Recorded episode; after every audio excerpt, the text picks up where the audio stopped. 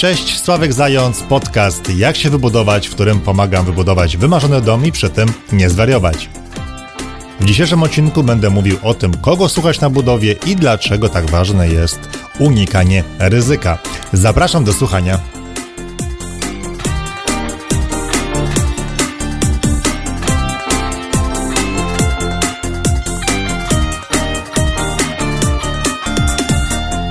Na początek krótka informacja.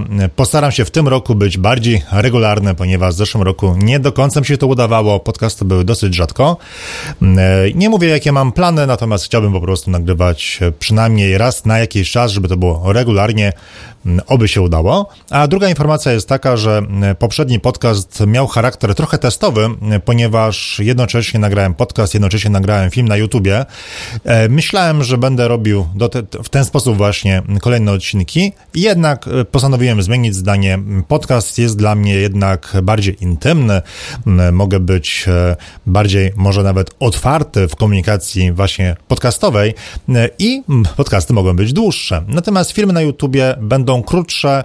E, zamierzam trochę ten mój kanał na YouTubie e, zmienić, więcej rzeczy pokazywać, e, tak żeby jednak i w podcastach, i na filmach na YouTubie każdy znalazł trochę coś innego, jakąś inną wiedzę.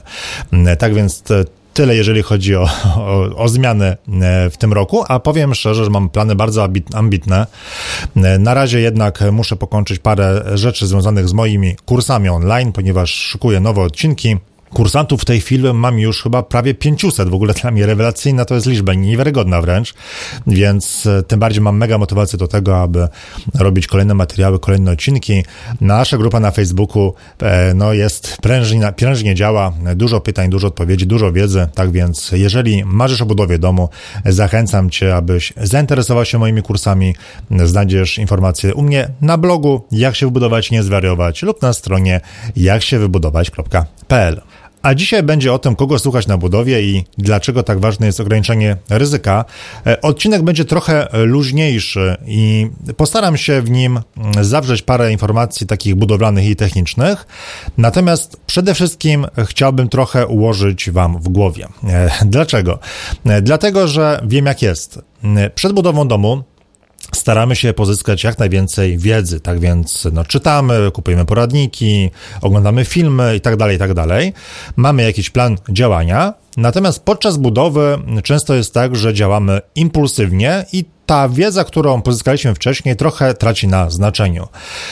Najczęstszy przykład związany jest z umowami z wykonawcami, ponieważ bardzo wiele osób wie o tym, że podpisywanie umów z wykonawcami jest właściwie obowiązkowe, że to jest coś, co zapewnia bezpieczeństwo i przed budową wszyscy jesteśmy pewni, że będziemy takie, takie rzeczy robić. Natomiast w momencie, kiedy zaczynamy już szukać wykonawców, kiedy budowa trwa, kiedy nam bardzo zależy na czasie i nie chcemy żadnych opóźnień, no to ta umowa gdzieś schodzi na dalszy plan, tak? Bo spotykamy się z jakimś wykonawcą, jednym, drugim, trzecim. Ktoś zrobił na nas naprawdę bardzo dobre wrażenie. E, o tej umowie trochę może zapominamy, albo wykonawca się wykręca, że tam nie za bardzo ma czas się z wami spotkać, ale oczywiście on może już zacząć za dwa tygodnie pracować. No i nagle się okazuje, że ta umowa nie jest podpisana, albo jest po prostu podpisana mm, niestarannie. To znaczy, że wykonawca pokazał jakiś wzór umowy, a my się spieszymy, więc podpisujemy to, co nam pokazał i zaczynamy działać. Tak więc teoria, czyli to wszystko, co, do, czegoś dowiadujemy się przed budową, a praktyka, no niestety czasami się rozmija. Dlaczego warto podpisywać umowę z wykonawcą? Dlatego, że taka umowa zwiększa szansę, że wszystko pójdzie e, w, ok, wykonawca nas nie wystawi, wszystko będzie jak najbardziej w porządku.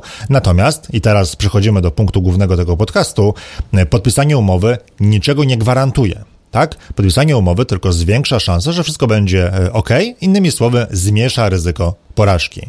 I właśnie o tym, e, że pewne czynności wykonywane przed budową czy na budowie mm, zwiększają lub zmniejszają Twoje ryzyko, będzie ten podcast. W tym podcaście chciałbym głównie przestrzec przed dobrymi radami znajomych, e, rodziny czy też ludzi w internecie, ponieważ bardzo, bardzo często widzę takie porady typu zrób taki, taki, tak, ponieważ ja tak zrobiłem i jest dobrze. I te rady dotyczą każdego etapu budowy, od fundamentów e, po dach i to są moim zdaniem rady bardzo niebezpieczne, bo przynajmniej w większości one są bardzo niebezpieczne. E, przykładowo e, fundamenty. Tak, jeżeli jeszcze nie wiesz, jak, jak się buduje dom, jak w ogóle powstaje budynek, to zachęcam Cię do przeczytania moich artykułów na blogu z cyklu Budowa domu krok po kroku. Parę dni temu w styczniu napisałem czwarty odcinek tego cyklu i doprowadziliśmy budowę domu do stanu surowego otwartego. Jest już dużo naprawdę do przeczytania. A jeżeli wiesz, jak powstaje budynek, no to wiesz, że fundamenty należy zabezpieczyć przed wodą i wilgocią, ponieważ wilgoć w domu to problemy. Tak więc wilgoć jest w stanie przejść przez fundamenty właśnie do wnętrza budynku. Aby zabezpieczyć fundamenty przed wodą i wilgocią, stosuje się różne rozwiązania. Wszystko zależy od warunków gruntowych, zależy od tego, czy masz dom podpiwniczony, czy też nie. Można na przykład dać drenaż wokół budynku, aby woda nie napierała na fundamenty. Należy fundamenty przykryć czymś, aby wilgoć nie wchodziła do fundamentów. To wszystko powinno być opisane w projekcie budowlanym. I teraz przechodzimy do kwestii ryzyka. Jeżeli chciałbyś, żeby Twój dom e, był wybudowany na lata i nic się z nim nie działo, powinieneś doskonale zabezpieczyć fundamenty przed wodą i wilgocią, stosując odpowiednią hydroizolację. Takie rozwiązanie jest jednak droższe. I teraz wielu inwestorów, e, jeżeli nawet ma takie informacje w projekcie, to na etapie wykonywania budynku e, słyszy dobre rady, e, czasami od znajomych, czasami wręcz od wykonawców, którzy mówią, że słuchaj, to nie ma w ogóle sensu płacić aż tyle za właśnie hydroizolację. Wystarczy, jeżeli posmarujesz fundamenty dysperbitem i będzie dobrze, bo i tutaj słuchasz różnych wyjaśnień. Ja wybudowałem 3 lata temu, wszystko jest w porządku. Ja buduję od 12 lat i nic się nie dzieje nie ma co przepłacać, weź się nie wygłupiaj. No i pojawia się taka myśl, czy zapłacić więcej za zabezpieczenie fundamentów, czy jednak zaoszczędzić na tym etapie, no bo przecież wszyscy mówią, że jest w porządku, no to po co przepłacać? No i to jest ta właśnie kwestia ryzyka. Jeżeli z nawet fundamentów byś niczym nie przykrył, niczym, po prostu niczym nie smaruje, żadnym dysperbitem, niczym, to nie oznacza to, że będziesz miał w przyszłości problemy. To jest bardzo istotne. To, że będą problemy zależy od wielu czynników, tak? Od tego, czy będzie napierała woda na twoje fundamenty, jakie będą warunki gruntowe teraz i w przyszłości, jakie będą opady, e, czy roztapiający się śnieg będzie się dostawał na przykład pod kostkę, tak, i wchodził w fundamenty. Mnóstwo czynników, i tak naprawdę niezabezpieczenie fundamentów przed niczym nie oznacza, że będzie problem. Natomiast oznacza tylko to, że będzie bardzo duże ryzyko wystąpienia problemu. Natomiast odpowiednie zastosowanie hydroizolacji spowoduje to, że masz praktycznie pewność, że będzie wszystko w porządku na lata.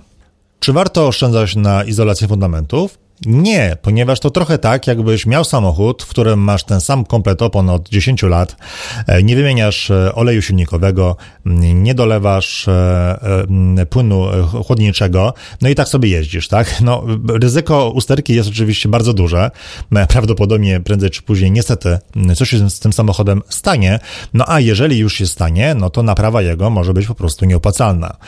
Przy budowie domu, jeżeli nie zabezpieczyć fundamentów przed wodą i wilgocią i wystąpić wystąpi jednak jakiś problem, to koszt doprowadzenia budynku do stanu pierwotnego będzie ogromny i wielokrotnie wyższy niż zabezpieczenie fundamentów teraz na tym pierwszym etapie. Takich rozważań będziesz miał bardzo dużo i na każdym etapie będziesz myślał o tym, czy by coś czasem nie zaoszczędzić lub przyspieszyć kosztem właśnie zwiększonego ryzyka. Ostatnio zauważyłem to na naszej grupie dla kursantów. W moim kursie o działce, ale zresztą i na blogu, i chyba w podcastach też o tym wielokrotnie mówiłem, kładę wielki nacisk na to, że przed zakupem działki powinny być wykonane badania geotechniczne. Badania geotechniczne stwierdzają po prostu, z, jakiego, z jakich warstw składa się działka i potwierdzają takie badania, że możesz na przykład dom wybudować bez problemu. Jeżeli takich badań nie ma, jest ryzyko tego, że kupisz działkę, na której na przykład będziesz musiał wymienić cały grunt, ogromny koszt, lub trzeba będzie zmienić na przykład sposób posadowienia budynku, znowu ogromny koszt. Tak więc dla bezpieczeństwa lepiej takie badania wykonać. Koszt to kilkaset złotych. Jeżeli sprzedający takich badań nie ma, a zwykle nie ma, no to należy podpisać umowę przedstępną, w której e, sprzedawca zobowiązuje się do wykonania takich badań, a ty zobowiązujesz się do zakupu e, tej działki, jeżeli okaże się, że w tej opinii geotechnicznej znajdzie się informacja o tym, że warunki gruntowe są proste. O badaniach geotechnicznych mówię tak często, ponieważ wiem, z czym wiąże się zakup niesprawdzonej działki. I co kilka miesięcy dostaję od kogoś maila, że jednak kupił działkę właśnie bez badań, no bo kupił działkę, zaczął się interesować tematem i dopiero potem wyszły jakieś problemy i dopiero później dowiedział się, że w ogóle jest coś takiego jak badania geotechniczne. I przeczytam teraz krótką, e, krótkiego maila od mojego, mojej czytelniczki, mm, aby zobrazować e, właśnie kwestię ryzyka kupienia niesprawdzonej działki. Do budowy drugiego domu wynajęłam czteroosobowy zespół specjalistów, który miał prowadzić i doradzać mi w zakupie działki, sporządzaniu projektu, nadzorowaniu formalności oraz prac budowlanych. Zespół niestety okazał się niekompetentny, co jednak zauważyłam dopiero 6 miesięcy później. W skład zespołu wchodził również kierownik budowy, który miał kierować, nadzorować oraz odpowiadać za prace budowlane. Zespół doradził mi zakup działki z gruntem nieplastycznym, na którym nie można było postawić domu. Przed rozpoczęciem budowy zleciłam geologiczne badanie gruntu. Lokalny geolog wyraził pisemną opinię, w której zalecił wymianę gruntu pod budynkiem około 18 metrów na 18 metrów, czego dokonano. Grunt został wymieniony na głębokość około 2 metrów, przy czym 50 cm to UTEX. Architekt i konstruktor, jeżeli dobrze zrozumiałam, bazowali na opinii geologa. Wymiana gruntu kosztowała mnie w sumie około 80 tysięcy brutto, za działkę zapłaciłam 120 tysięcy złotych ogromne pieniądze, e, ogromny kłopot. E, no i właśnie dlatego ten temat badań geotechnicznych tak często magluje, aby nikt nie musiał przez to przechodzić. I mimo tego, że magluje ten temat, e, i tak piszą do mnie osoby, że jednak może jednak nie warto takich badań robić, bo cytuję, rozmawiam ze znajomymi, którzy niedawno kupili działki w mojej okolicy i wszyscy raczej zgodnie twierdzili, że jak pojawia się okazja, to trzeba szybko działać. Jeden z nich nawet stwierdził, że kupił działkę niemal w ciemno po 18 miesiącach poszukiwań. I przyznaję, mam z tym mały problem, ponieważ rzeczywiście w większości sytuacji, jeżeli kupisz działkę w ciemno, no to wszystko będzie w porządku, tak? Bo większość działek w Polsce jest po prostu w porządku. Natomiast w związku z tym, że na bieżąco i regularnie dostaję informacje od ludzi, którzy jednak wdepnęli w bagno, kupują działkę, która jednak generowała problemy, moim zadaniem, moim celem jest zmniejszenie ryzyka każdej osoby. Tak więc dla swojego spokoju lepiej wykonać badania geotechniczne za ten 1000 zł i po prostu dmuchamy na zimne, wszystko będzie w porządku, niż e, kupując działkę w ciemno, no licząc na to, że wszystko będzie dobrze, bo może będzie dobrze, ale no równie e, może być tak, że niestety dobrze nie będzie. No i teraz pytanie, czy e, pośpiech przy zakupie działki jest tego warte? No bo co z tego, że kupisz działkę szybko bez sprawdzania, jak się okaże, że jednak jest problem. A jeżeli jest problem, to albo zapłacisz dużo pieniędzy, żeby się pobudować, albo będziesz szukał kogoś, kto kupi tę działkę, ukryje przed nim fakt tego, że ta działka jest felerna i będziesz szukał przez kolejne miesiące innej działki. No i stracisz tak naprawdę przez swój pośpiech wiele e, miesięcy. Poza tym, jeżeli przy tej jednej kwestii jesteś e, no niestaranny, e, no to co z innymi, tak? Czy sprawdziłeś księgę wieczystą? Czy sprawdziłeś wszystkie dokumenty? Czy sprawdziłeś zapisy planu miejscowego i warunku zabudowy? Czy jesteś pewien, że na tej działce można wybudować dom? Czy sprawdziłeś, jaki jest koszt podłączenia wodociągu, kanalizacji i prądu? i tak dalej, i tak dalej, i tak dalej. Te wszystkie rzeczy, które wykonujesz, y, minimalizują twoje ryzyko. Jeżeli czegoś nie sprawdzisz, po prostu ryzykujesz. Ja nie jestem tylko ostrożny na, na budowie, czy też przy szukaniu działek. Ja po prostu jestem ostrożny w życiu y, codziennym, ponieważ wiem, że przeróżne są problemy. Wiem na przykład, że nie warto ufać nowo poznanej osobie, jeżeli ma coś do zaoferowania, ponieważ na przykład osoba, która sprzedaje działkę, samochód, mieszkanie, może czegoś nie wiedzieć, może coś przeinaczyć, może przekazać niesprawdzone informacje, może na koniec po prostu kłamać po to, abyś, aby ta transakcja doszła do skutku. W związku z tym ja się zawsze opieram na dokumentach, faktach, danych, a nie na tym, co mi kto powiedział i na tym bardzo dobrze wychodzę, no i chciałbym to moje podejście e, i wam przekazać. To życiowe podejście polega na przykład na tym, że zawsze zapinam pasy w samochodzie, niezależnie od tego, ile mam metrów do przejechania. Dlaczego? Bo wiem, co się może zdarzyć, kiedy pasów nie masz. E, możesz być świetnym kierowcą, niczego nie jesteś w stanie jednak przewidzieć. E, może być e, jakiś wypadek, ponieważ ktoś ci wyjedzie z poporządkowanej, no i nawet przy małych prędkościach typu 30-40 na godzinę może coś się stać. Moja koleżanka jeździła parę lat bez pasów, bo jeździła tylko po drogach tutaj lokalnych, niedaleko Żardowa, aż do pewnego wypadku, kiedy e, przed nią zatrzymał się dość nagle jakiś samochód ciężarowy. Koleżanka zahamowała z tam dwusekundowym czy tam trzysekundowym opóźnieniem, władowała się e, w tył tego samochodu. Efekt cztery tygodnie rehabilitacji. No i co? Musiało się stać nieszczęście, aby od teraz e, koleżanka zawsze zapinała pasy. Mój kolega pędził po lokalnych drogach po 120, po 140 km na godzinę. Jeździł z prędkością autostradową po drogach, które pozostawiały wiele do życzenia, niezależnie czy w dzień, czy w nocy. No i wychodził z założenia, że co się może stać. Samochodów nie ma z naprzeciwka albo są bardzo rzadko, więc jest bezpieczny. No i stało się. Wyskoczyła mu sarna, wypadek, samochód do kasacji. Od tego momentu kolega potulnie e, bierze e, na, ten, na tempomacie, ustawia 60 km na godzinę i się już przestaje e, spieszyć. E, żeby nie było, że tylko gadam o znajomych, ja też nie byłem najmądrzejszy. E, nie pamiętam jak to było i kiedy to było, ale myślę, że tak rok chyba po tym, jak dostałem prawo jazdy, przejeżdżałem przez przejazd kolejowy w Nadarzynie. Przejazd był otwarty, a ja sobie po prostu przejechałem przez niego, nie zatrzymując na, nawet na chwilę. Natomiast, gdy przejeżdżałem przez przejazd kolejowy, zatrąbił pociąg. Spojrzałem w prawo, pociąg był no, w miarę niedaleko daleko. No, nie jechał on może zbyt szybko i nie było ryzyka wypadku, ale powiem szczerze, że to dało mi tak do myślenia, że od tego momentu zatrzymuję się zawsze przed przejazdem kolejowym, patrzę w lewo, patrzę w prawo, dopiero wtedy ruszam, wychodząc z założenia, że stracę 5 sekund, tak, a może nawet oszczędzę sobie życie. I to jest trochę tak, że dopóki nas pewne rzeczy nie dotkną osobiście lub nie dotkną naszych, naszej rodziny na przykład, to nie wierzymy, że takie rzeczy mogą się nam zdarzyć. Jeżeli nie mamy wśród znajomych, rodziny osób, które się budowały i którym teraz wychodzi wilgoć budynku, no to nie wierzymy, że takie rzeczy nam się zdarzą, więc nie doceniamy tego, jak zabezpieczenie fundamentów jest bardzo istotne. A jeżeli tego nie doceniamy, no to jesteśmy chłonni na różne dobre rady znajomych, czy też wykonawców, którzy mówią, dobra, dobra, nie warto tego fundamentu zabezpieczać, bo ja się buduję od tylu lat i nie ma problemu. Aby stwierdzić, że wilgoć rzeczywiście jest problemem, wystarczy posłuchać osób, które zajmują się badaniem domów na rynku wtórnym. Karolina Malicka, znana szerzej jako w szpilkach na budowie, e, twierdzi, że największym i najbardziej powtarzalnym problemem przy domach na rynku wtórnym jest wilgoć i taka od fundamentów i od strony stronę kominów dachu. Mówimy czasami o domach, które mają tylko kilka lat. Problem więc istnieje. Zrób wszystko, aby Twój dom został wybudowany prawidłowo. To projektant budowy i kierownik budowy odpowiadają za to, że Twój dom będzie dobrze zaprojektowany i wybudowany. Wszelkie rady znajomych, rodziny i tak dalej traktuj bardziej informacyjnie, natomiast nie wprowadzaj żadnych zmian na własną rękę. Zawsze ustal to z ludźmi, którzy mają odpowiednią wiedzę, wiedzę, doświadczenie i za daną decyzję wezmą odpowiedzialność.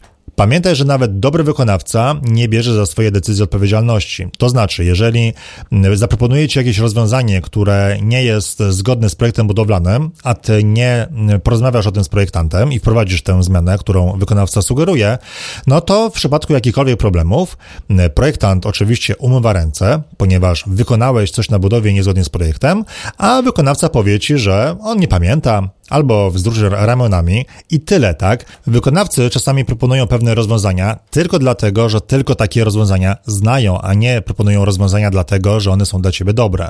Przykładowo w Twoim projekcie budowlanym jest przewidziany beton podkładowy. E, beton podkładowy ma wiele zalet. Przede wszystkim wyrównuje on poziom, ponieważ żaden, żaden wykop nie jest równy, więc ten beton podkładowy e, wszystko wyrównuje. Poza tym na takim betonie podkładowym można równiutko ułożyć zbrojenie No i jeżeli już będzie beton właściwy, to też ten beton, to mleczko cementowe z tego betonu nie będzie uciekało w grunt. E, jeżeli e, chcesz trochę więcej wyjaśnień, zachęcam Cię do pierwszego artykułu z cyklu Budowa domu krok po kroku, który znajdziesz na moim blogu. E, jak się wybudować i nie zwariować, tam też znajdziesz dużo, dużo zdjęć. No i używanie betonu podkładowego ma wiele zalet. No, jest oczywiście także wada.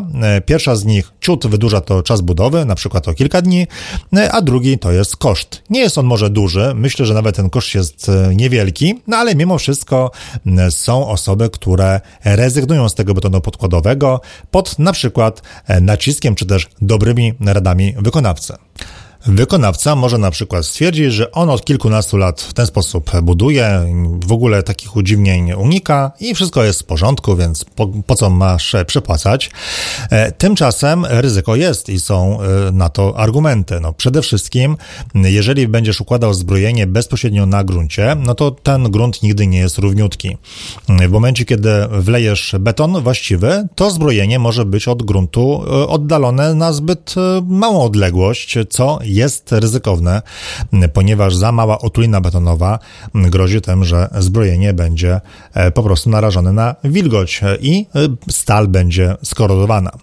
Jeżeli wlewasz beton bezpośrednio e, w grunt, to grozi to obsypywaniem się ziemi. No i teraz tak, no masz beton, który przyszedł z betoniarni, ma właściwości takie, jak powinien mieć, zgodnie z projektem i tak dalej, no i wlewasz go do, do wykopu bezpośrednio, ziemia się obsuwa, no i ten beton nie ma właściwości takich, jakich powinien mieć, co grozi na przykład spękaniami tynku w przyszłości.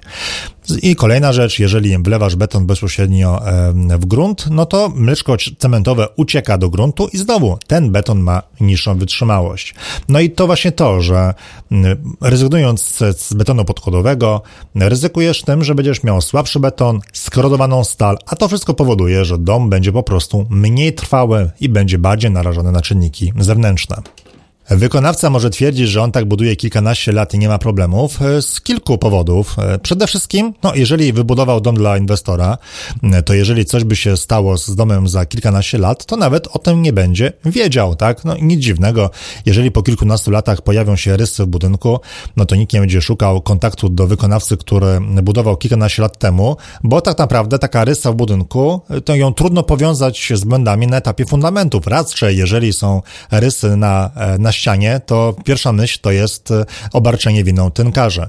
No a poza tym, no, który inwestor ma kontakt do swojego wykonawcy właśnie sprzed 15 lat. E, tak więc, no, wykonawca trochę takiej e, jest błogiej nieświadomości.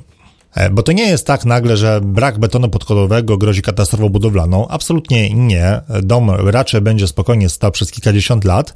E, natomiast e, właśnie ten słabszy beton powoduje, że dom może po prostu ujawniać pewne usterki i tyle. Więc tym bardziej, jeżeli nie ma katastrofy budowlanej, to wykonawca też po prostu o tym, że coś było źle zrobione, po prostu nie wie.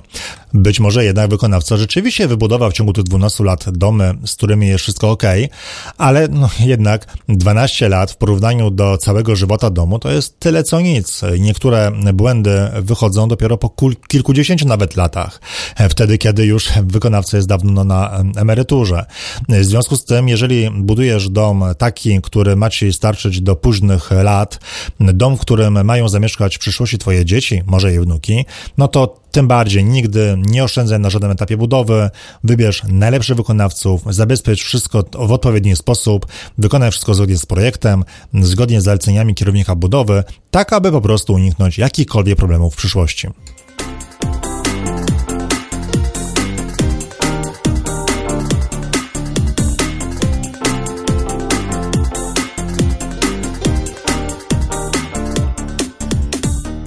Opowiedziałem o fundamentach, ponieważ jeżeli będziesz nieostrożny na tak wczesnym etapie, to tym bardziej będziesz nieostrożny na kolejnych etapach i będą cię kusiły różne dziwne oszczędności, będzie cię kusiło, żeby przyspieszyć pracę kosztem jakości, e, a jednak fundamenty są bardzo istotne. Jeżeli przeoczysz, e, jeżeli fundamenty będą wykonane nieprawidłowo, no to błędy wyjdą bardzo późno, a naprawa błędów na etapie fundamentów będzie bardzo, ale to bardzo kosztowna. I nie chcę za bardzo wchodzić w inne szczegóły techniczne. Traktuj te informacje w podcaście, także informacje na blogu jako informacje przykładowe. Na blogu w, w artykule Krok po kroku opisuję budowę pewnego domu według konkretnego projektu, w którym zastosowano konkretne rozwiązania. W Twoim projekcie budowlanym mogą być zupełnie inne rozwiązania. Ważne jest to, aby wykonawca stosował się właśnie do tych rozwiązań, które są w Twoim projekcie, a jeżeli w Twoim projekcie nie ma opisanych konkretnych rozwiązań, to zwróć się do projektanta z żądaniem uzupełnienia tych informacji. Może być na przykład tak, że projektant pisze, żeby zastosować na fundamenty dysperbit lub ciężką izolację przeciwwodną. Jeżeli masz takie sformułowanie w projekcie, to znaczy, że projektant tak naprawdę nie do końca wie, co pisze, być może nie widział badań technicznych, być może coś skopiował z innego projektu, no więc to nie jest informacja konkretna. Słówko lub e, w tym kontekście oznacza, że wykonawca nie wie, co robić, a projektant nie jest pewien, czy są ciężkie warunki gruntowe, czy też lekkie. W związku z tym poproś projektanta o uzupełnienie. Z drugiej strony, ja absolutnie nie mówię, że każdy wykonawca jest e, zły, bo czasami mam takie wrażenie, że trochę zbyt, zbyt e, krytykuję wykonawców. Absolutnie tak nie jest. Jest bardzo wielu bardzo rzetelnych wykonawców, którzy mają dobre pomysły. I e, teraz chodzi o to tylko, żeby nie stosować w ciemno rad wykonawców, bo może być sytuacja taka, że wykonawca ma bardzo dobrą radę. Warto jednak, a właściwie należy, każdą tego typu radę konsultować z kierownikiem budowy lub projektantem, którzy za tą decyzję wezmą odpowiedzialność. Tak więc jak najbardziej warto słuchać każdej ze strony, natomiast ważne jest to, żeby nie podejmować decyzji na własną rękę. E, budujesz prawdopodobnie swój pierwszy dom. Nie ma co e, ściemniać, nie wiesz na temat budowy e, bardzo dużo, nie masz wiedzy takiej jak ma projektant, nie masz takiej wiedzy jak kierownik budowy, jak wykonawca, jak instalatorzy i jeszcze, jeszcze wiele, wiele ekip. Ja myślę, że mam wiedzę jedną setną tego, co jest potrzebne do tego, aby wybudować dom, ponieważ, żeby tylko poznać na przykład kwestię związaną z projektem budowlanym, musiałbym teraz ukończyć kilkuletnie studia, e, potem jeszcze mieć kilka lat praktyki i może bym coś wiedział. Tak więc moja wiedza jest naprawdę bardzo ograniczona, pomimo tego, że oczywiście na blogu udzielam wiele przydatnych informacji. Ale no, nawet ja, budując kolejny budynek, nie ośmieliłbym się podejmować sam decyzji, ponieważ jeżeli by coś się złego stało, to tylko ja bym miał do siebie pretensje.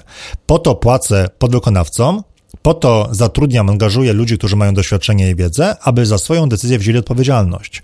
Dlatego też ważne jest to, aby przy rozmowie z każdym wykonawcą, projektantem, kierownikiem budowy, wykonawcą, e, uzyskać kopię ubezpieczenia, e, zobaczyć ich OC, zobaczyć na jaką ona jest wartość, najlepiej nawet e, dołączyć tę kopię ubezpieczenia do umowy z danym wykonawcą, po to, aby mieć pewność, że nawet jeżeli wydarzą się jakieś nieszczęścia, to ubezpieczyciel pokryje koszt ewentualnych napraw. Ta kwota ubezpieczenia jest bardzo istotna, bo wielu wykonawców ma ubezpieczenie, ale dla ciebie na przykład ubezpieczenie na wartość 100 tysięcy złotych jest tak naprawdę śmiesznie niskie, tak? Bo 100 e, tysięcy złotych czasami może nie wystarczyć na pokrycie e, usterek, a wykonawca na przykład buduje kilka domów, czy też kilkanaście domów rocznie, więc 100 tysięcy złotych ubezpieczenia to jest tak naprawdę kwota śmieszna. W związku z tym tak ważne jest, aby zobaczyć, e, jakie ubezpieczenie ma wykonawca i je dołączyć do umowy, tak abyś czuł się po prostu bezpiecznie. A to wszystko po to, aby oczywiście znowu ograniczyć Twoje e, ryzyko podczas budowy. Myślę, że niezłym porównaniem do budowy jest dbanie o własne zdrowie. E, zobacz, przypuśćmy, że od teraz e, na śniadanie, na obiad, na kolację będziesz jadł chipsy, będziesz jadł tylko jakieś tłuste rzeczy, zero ruchu, zero ćwiczeń, Coca-Cola, jakieś dziwne energetyki na okrągło. No i co się stanie? Na początku nic się nie stanie. Być może będziesz czuł się trochę tam, będzie ci trochę mdło, ale tak naprawdę przez kolejne tygodnie lub nawet być może miesiące nawet nie odczujesz żadnych e, problemów z taką e, dietą, z takim trybem życia. Dopiero po kilkunastu lub nawet po kilkudziesięciu latach wyjdą problemy, tak? E, problemy zdrowotne, problemy z kręgosłupem i tak dalej. W związku z tym to jest dla nas naturalne, że jeżeli będziesz o zdrowie nie dbał, to, no to niestety będzie problem. Natomiast jeżeli zaczniesz dbać o zdrowie już teraz, no to twój starszy ja ci po prostu podziękuję. Myślę, że każdy z nas by się skrzywiłby na propozycję znajomego na przejście na dietę chipsową albo jakąś czokoszokową i jego argument, że on tak się żywi od kilku miesięcy, byśmy po prostu wyśmiali. No i tak naprawdę tak samo trzeba traktować budowę. Staramy się, aby e, budowa szła zgodnie ze sztuką budowlaną, tak samo jak dbamy o nasze zdrowie na co dzień, po to, żeby za te kilkanaście, kilkadziesiąt lat nie pluć sobie w brodę. A to, że znajomy opowiada jedno czy drugie, tak naprawdę nie powinno być dla nas żadnego znaczenia, ponieważ znajomy także nie bierze za to żadnej odpowiedzialności i my nie mamy żadnej pewności, że on wybudował dom rzeczywiście, który na lata mu e, wystarczy. Nie ma znajomy takiej wiedzy. Dla ciebie partnerami do dyskusji jest projektant, kierownik budowy oraz inspektor nadzoru budowlanego, jeżeli takiego zdecydujesz się e, zaangażować. I naprawdę uczmy się na błędach innych, e, zapinaj pasy w samochodzie, dbaj o swoje bezpieczeństwo i bezpieczeństwo współpasażerów, wymagaj od swoich e, współpasażerów, żeby także zapinali pasy, dbaj o to, żeby twoje dzieci jeździły w foteliku, a nie były tylko zapięte pasami. Mówimy oczywiście o małych dzieciach, na przykład w wieku przedszkolnym, bo niestety czasami widzę w samochodach małe dzieci przypięte tylko pasami pasami. Mm, masakra. Wolę o tym nawet nie myśleć, co się może zdarzyć podczas wypadku.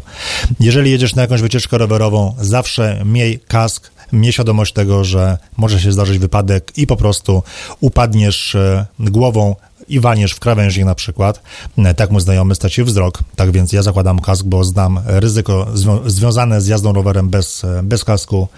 Dbaj o swoje zdrowie, siedź prosto przed komputerem, rób ćwiczenia, może pójść na basen, e, dbaj o to, żebyś ograniczał swoje ryzyko i tak naprawdę, jeżeli zaczniesz dbać o to podczas takiego życia codziennego, jeżeli będziesz ostrożny na co dzień, to podczas budowy to ci po prostu wejdzie w krew i po prostu będzie ta budowa spokojniejsza, tak? Nie będziesz będziesz myślał o jakichś właśnie oszczędnościach, dziwnych akcjach, tylko będziesz postępował według, według instrukcji, według projektu budowlanego i ta budowa naprawdę będzie o niebo spokojniejsza i zarazem będzie o niebo lepsza.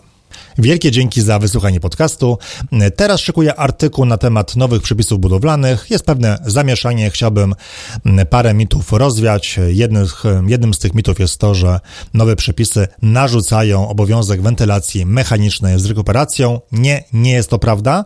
Jest faktycznie trudniej zaprojektować dom z wentylacją grawitacyjną lub hybrydową, ale dalej jest to możliwe. Natomiast projektanci idą troszeczkę na łatwiznę i projektują czasami wentylację mechaniczną mechaniczną, narzucając ją inwestorowi. Natomiast wiem o tym, że nie każdy chce mieć wentylację mechaniczną, więc uspokajam. Nic się tutaj w tym zakresie nie zmieniło, więc obserwuj mojego bloga, zapisz się może nawet do newslettera, będziesz wtedy informowany o wszystkich nowych artykułach. No i oczywiście zachęcam Cię do grupy na naszej, na Facebooku. Mam już tam ponad 10 tysięcy osób, tak więc e, też będą tam nowe posty, nowe informacje. E, no i na koniec, jeżeli chciałbyś e, już teraz się dobrze do budowy przygotować, to bardzo zachęcam Cię do zakupienia mojego kursu o budowie domu, o tym jak się do budowy przygotować. Cały kurs trwa aż e, ponad właściwie 15 godzin, 15 godzin materiałów wideo, dodatkowe materiały, arkusze kalkulacyjne, wzory umów, moja książka wersji e-book, audiobook i za małą dopłatą także wydanie papierowe oraz dostęp do naszej grupy dla kursantów, więc naprawdę to wszystko fajnie, pięknie działa. No i muszę uprzedzić, że jeszcze myślę przez cały luty prawdopodobnie prawdopodobnie, może jeszcze przez marzec, kurs będzie w atrakcyjnej cenie 390 e, zł, natomiast w ciągu dwóch miesięcy cena kursu wzrośnie o co najmniej 100 zł, tak więc teraz jest naprawdę bardzo dobry moment, żeby kurs kupić, e, nawet jeżeli planujesz budowę za rok, dwa czy też trzy, ponieważ dostęp do wszystkich moich kursów masz dożywotnio. Nie ma więc obaw, że e, dostęp Ci zostanie odebrany. Co więcej, wszystkie aktualizacje, wszystkie nowe odcinki będą to także Tobie udostępnione bezpłatnie. Tak samo zawsze będziesz uczestnikiem mojej grupy dla kursantów, będziesz mógł zawsze zadawać pytania, tak więc e, warto. A jeżeli jeszcze nie masz działki, to możesz kupić dwa moje kursy. E, kurs o działce wtedy możesz kupić za połowę ceny i także ten kurs jest dożywotnio, tak więc oba kursy to jest prawie 30 godzin wiedzy, mnóstwo materiałów, cena bardzo atrakcyjna, no bo za te 30 godzin zapłacisz mniej więcej 600 zł brutto, jeszcze, jeszcze tylko przez luty i marzec. Jest to rewelacyjna oferta, a skoro podcast jest o ograniczaniu ryzyka, to dodam, że od zawsze kurs wiąże się z zerowym ryzykiem. Masz aż 30 dni na zwrot tego kursu. Daję znać, ja o nic nie pytam, zwracam ci pieniądze na konto, tak więc masz 30 dni na e, przeklikanie, obejrzenie i zobaczenie, czy kurs jest na pewno dla Ciebie. Szczegółowy opis wszystkich kursów znajdziesz na moim blogu. Znajdziesz też tam w zakładce rekomendacje, opinie moich kursantów. Możesz także znaleźć informacje na temat kursów na stronie jaksiewybudować.pl. Wielkie dzięki raz jeszcze. E, życzę Ci miłego wieczoru lub miłego dnia i do usłyszenia. Pozdrawiam serdecznie. Sławek Zając, jak się wybudować i nie zwariować.